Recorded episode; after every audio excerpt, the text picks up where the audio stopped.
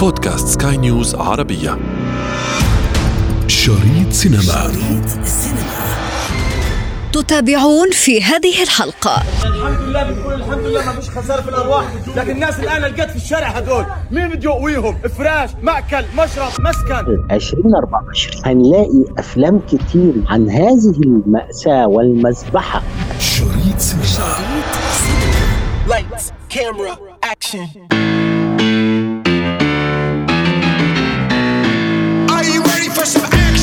أشلاء الأحلام تطوف في الرماد ولا ترى في المقل سوى الدموع التي تنهمر وتمطر على أرض محترقة والقصف مستمر على قطاع غزة. على قطاع غزة.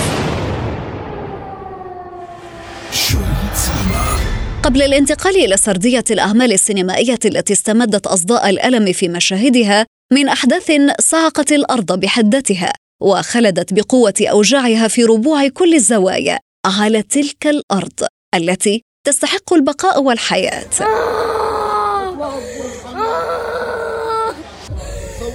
سنصف لكم ما سيكون مستقبلا أعمالا تختلف بين الدراما والسينما في كل من الشاشات الفضية والذهبية على حد السواء اللي صار إحنا جيرانهم. اتصلوا علينا نكون اثنين صحينا من النوم. قالوا لنا إيه بدهم يقصفوا الدار. يا عمي دار مين اللي يقصفوها؟ دار جيرانكم. يا عمي هدول ناس غلابة معاقين هدول عايشين على الشؤون. عينة صغيرة من شعب يحمل أمانيه بين الركام. في أرض ارتوت بدماء المدنيين والأبرياء فبين كل قصف وقصف قلوب تنزف بين أطلال الأمنية والترجي. عسى أن يكون محبوها على قيد الحياة. إنها غزة تلك القصيدة الحزينة التي ترويها الأنقاض. ولدت مخيم المرة الوحيدة اللي صحيح أطلع فيها برية الضفة كان وقتها ست سنين. كان في عندي عملية جراحية صغيرة كانت أنظار صناع السينما في العالم متجهة نحو القضية الفلسطينية في عام 2005 فذلك تاريخ لمجد فيلم الجنة الآن للمخرج الفلسطيني الهولندي هاني أبو أسعد بعد أن فاز بجائزة أفضل فيلم أجنبي من جولدن جلوبز عن جد أنت مطرب عزام إنه كان بطل. أكيد أنت فخورة فيه. يمكن أفضل يكون بعده عايش وإني ما أكون فخورة فيه.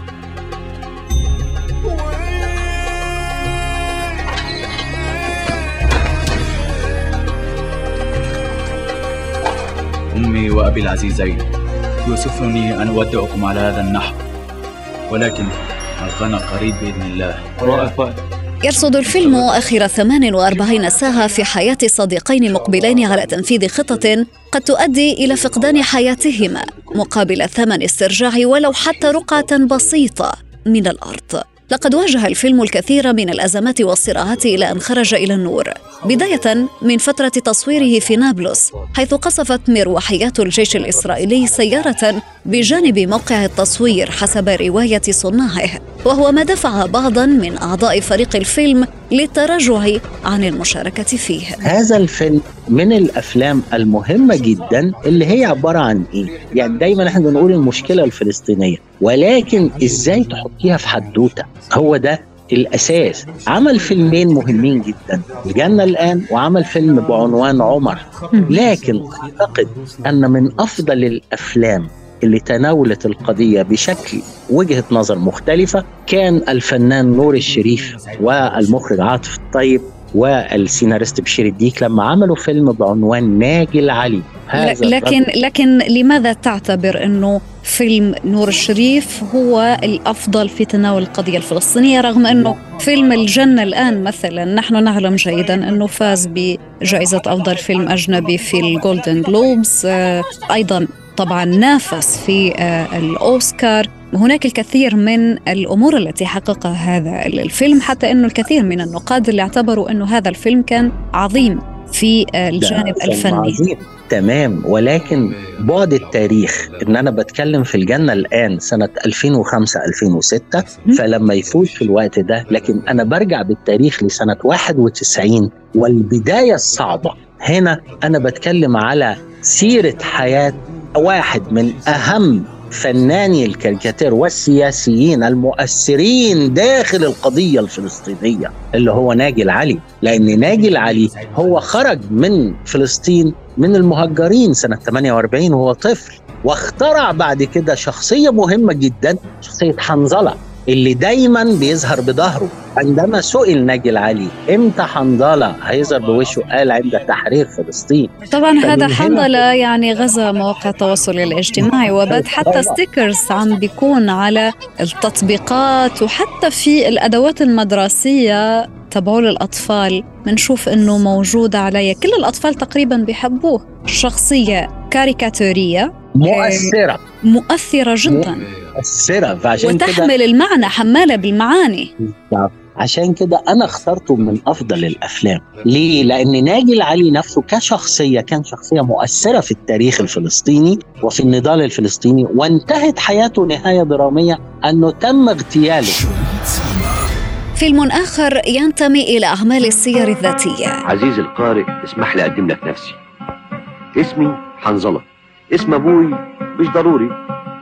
أمي اسمها نكبه نمرة رجلي ما بعرف لأني دايما حافي ناجي العلي أنتج في عام 1992 ليكشف عن جوانب عديدة من حياة الفنان الفلسطيني ناجي العلي جسد شخصيته الفنان المصري الراحل نور الشريف بدءا من نزوحه مع أسرته إلى لبنان وعمله في الكويت وعودته مرة أخرى إلى لبنان أثناء فترة الحرب هناك قبل تعرضه للتصفية في الحادث الأليم والشهير الفيلم يعد رمزا من رموز الأعمال السينمائية الأكثر تاثيرا في الجمهور فيما يتعلق بالقضية الفلسطينية. حتى الآن هناك الكثير والكثير لم يظهر في قضايا ناجي العلي ولكن أعتقد إن ده من أهم الأفلام اللي كانت موجودة. في الوقت الحالي. أعتقد إن في ناس كتير جدا أو مخرجين كتير في فلسطين ابتدوا يشتغلوا بشكل كبير منهم آه فيلم كان في مهرجان الجونة وراح مهرجان كان من حوالي سنتين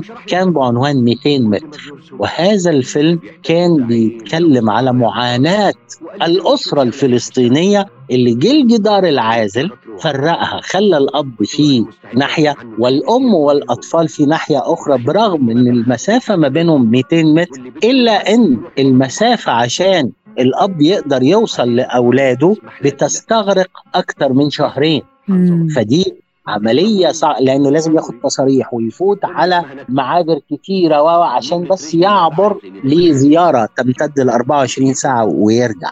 فدي من الحاجات المهمة جدا. أصبحت القضية الفلسطينية يتم تناولها بشكل روائي أكثر من الشكل الحدوتة الإيه؟ الحرب. وهذه مؤثرة في السينما أكثر من الشكل المباشر. هل تعتبر إنه هذا الشكل هو تطور في كيفية تناول القصص آه، الواقعية وترجمتها إلى عمل فني أو سينمائي أو مهما كان بالتأكيد. شكل هذا ال- العمل؟ ولماذا؟ بالتأكيد لسبب بسيط. الشكل المباشر الناس ممكن تشوفه مرة ولكن تنفر منه. أما الحدوتة الروائية الناس تحبها وتتفرج عليها مرة واثنين وثلاثة وهو ده المؤثر في الشعوب.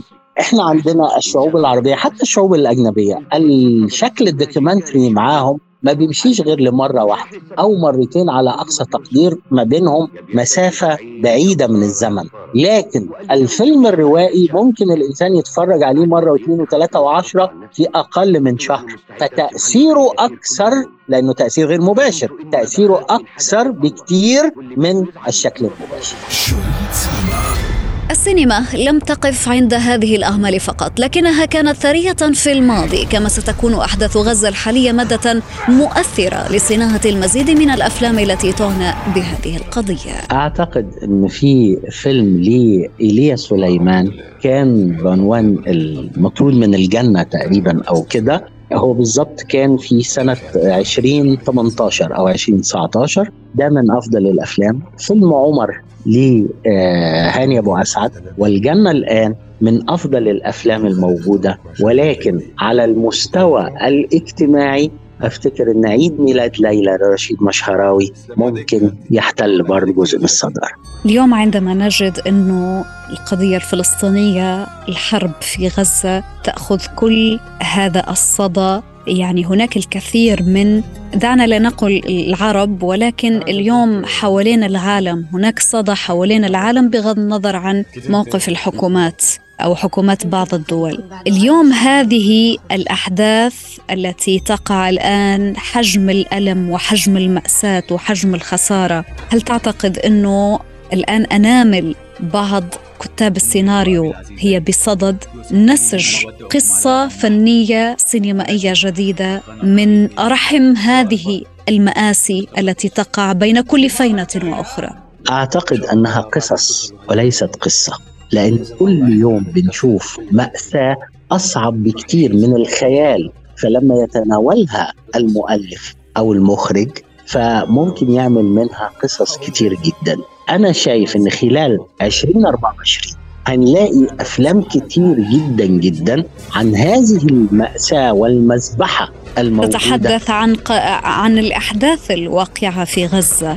عن مذبحة سيكون هناك آه، زخم. في الإنتاج السينمائي لما تشهده الآن غزة من تصعيد وحرب بالتأكيد وخاصة أن أصبحت دلوقتي تطور وسائل الإعلام إحنا بنشوف الصاروخ وهو بيطلق وهو بينفجر وهو صحيح. كمان بيخلف ضحايا وللأسف بدم بارد فبالتأكيد هناك أنامل تكتب الآن وأعتقد أن إحنا هنشوف أكثر من فيلم خلال الفترة الجاية تتناول أحداث غزة وتحدث تعاطف بين الشعوب وليس بين الحكومات شريط سينما.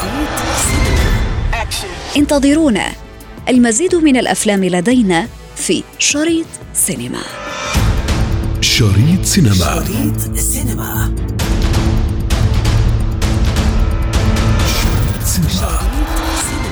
وفي ختام حلقتنا نذكركم بمتابعتنا والاستماع لنا عبر منصة البودكاست لسكاي نيوز عربية وباقي منصات البودكاست الأخرى. كنت معكم في الإعداد والتقديم أنا ابتسام العكريمي وكان في الإخراج نويل بولس